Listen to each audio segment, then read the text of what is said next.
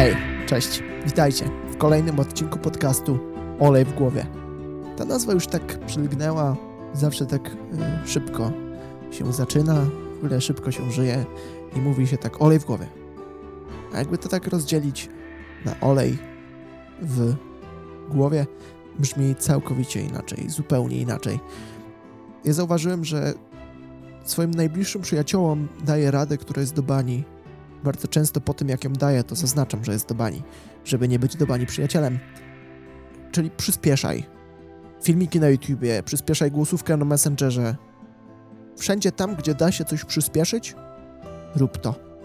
Ta rada jest do bani z kilku względów. Po pierwsze, przyspieszając, trochę odbieramy sobie ten przywilej doświadczenia, yy, takiego realnego doświadczenia. Wiecie, uważam w tym momencie życia, w którym jestem, a więc przed 21 rokiem życia, ale już po 20, że powinniśmy oglądać te wszystkie nudne filmy z tatą, słuchać tych jakże nużących opowieści babci, tylko po to, żeby właśnie doświadczać. Wiecie, yy, du dużo tu o życiu, wydaje mi się, będzie w tym roku, a bynajmniej w styczniu. Bo to, o czym mówimy i to, czego słuchamy, bardzo mocno zależy od tego, jak żyjemy. Ja ostatnio właśnie, zresztą przez całe życie to robimy, szukamy sensu. Nadajemy ten sens, no bo czym by było życie bez sensu? Nie byłoby życiem. I tak w tym życiu taki sens, że mamy dwoje uszu, a tylko jedne usta. I to biologicznie musi coś oznaczać, nie? Coś tak jednak chciało, żebyśmy więcej słuchali niż mówili. Więc e, ja jestem przeciwny wszystkim tym głosom, które mówią, bardzo ich jest mało, o wydłużeniu formatu podcastu do dłuższej formy.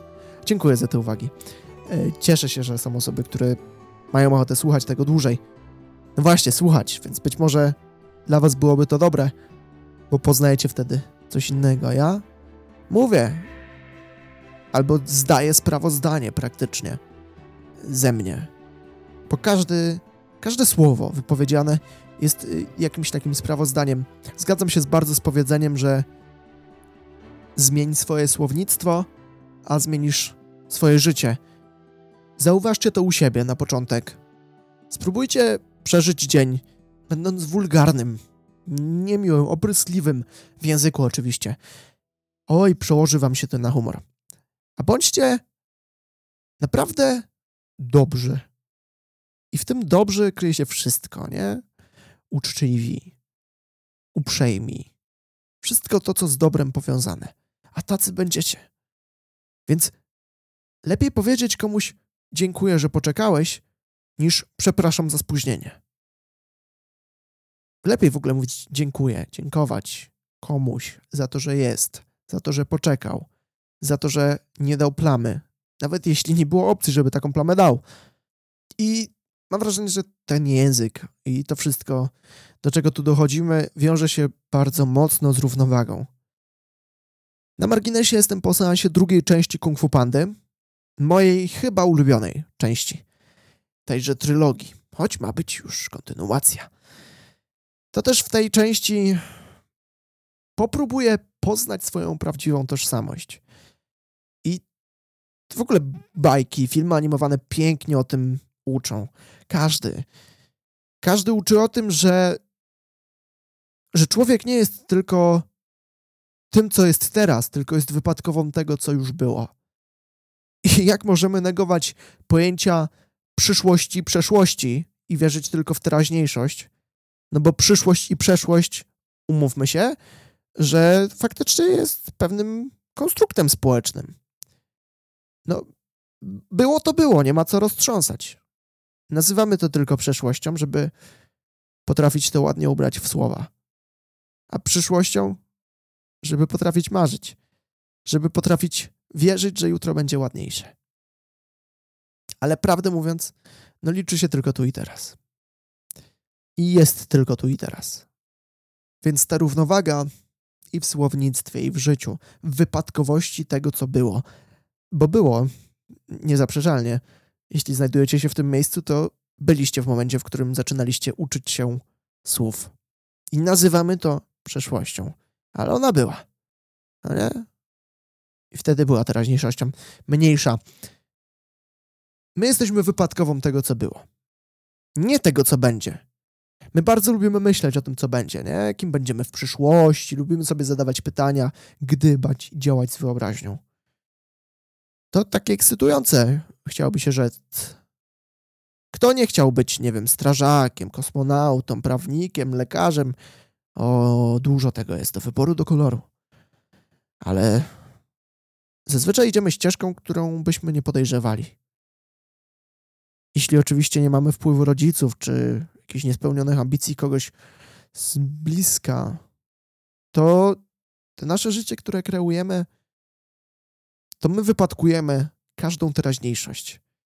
Jeśli teraz tego słuchasz, to to może na ciebie zadziałać za 5 minut, a może za 5 miesięcy, a może za 5 lat. I najpiękniejsze są te spotkania, które są niespodziewane.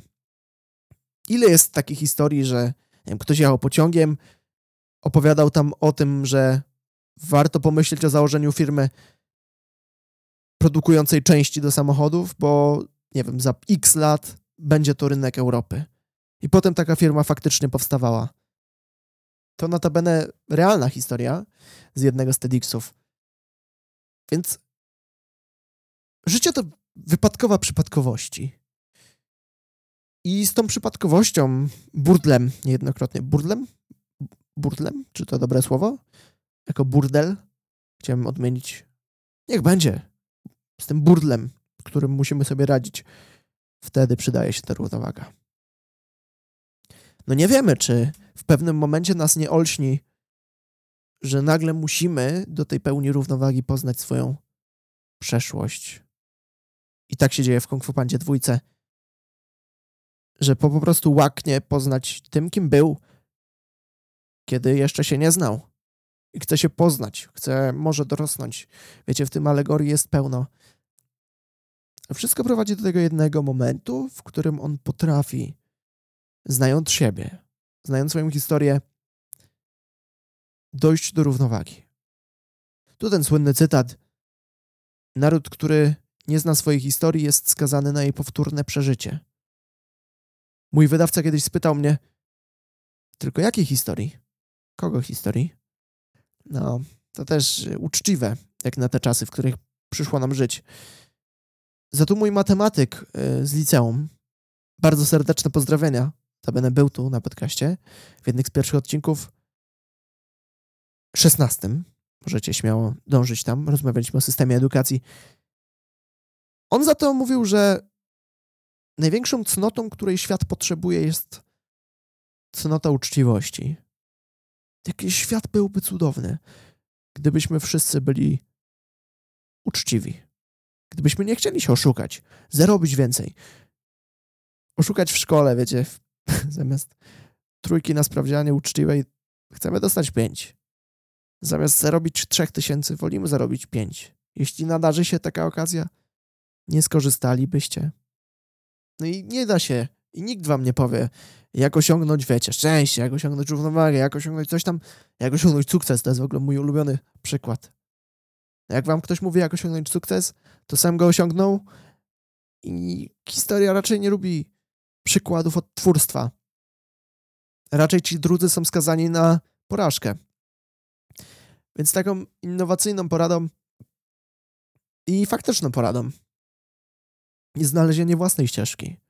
Kreowanej, no tak jak w przypadku Po w Kung Fu Pandzie dwójce, nie tylko w dwójce, poznanie swojej historii. Pewnie poznanie tych wszystkich mocnych stron, przypominania sobie słów, które ja sobie przypominam. Znaczy, docelowo wy macie swoje przypominać sobie.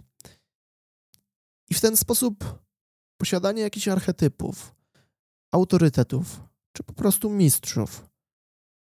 My sami swoje życie kreujemy i to fakt, ale kreujemy je przez osoby nas otaczające. I my je dobieramy. Nie dajcie sobie wmówić, że to też jest losowe. Bo fakt, losowo rodzicie się w jakimś miejscu. Fakt, idziecie do jakiejś klasy nie wiecie, z kim będziecie, ale fakt możecie ją zmienić. Fakt, kiedy macie na coś ogromną ochotę, to bardzo wierzę w to, że da się to osiągnąć. Więc jeśli macie ochotę być szczęśliwymi, to będziecie. Jeśli macie ochotę osiągnąć równowagę i spokój, to osiągniecie.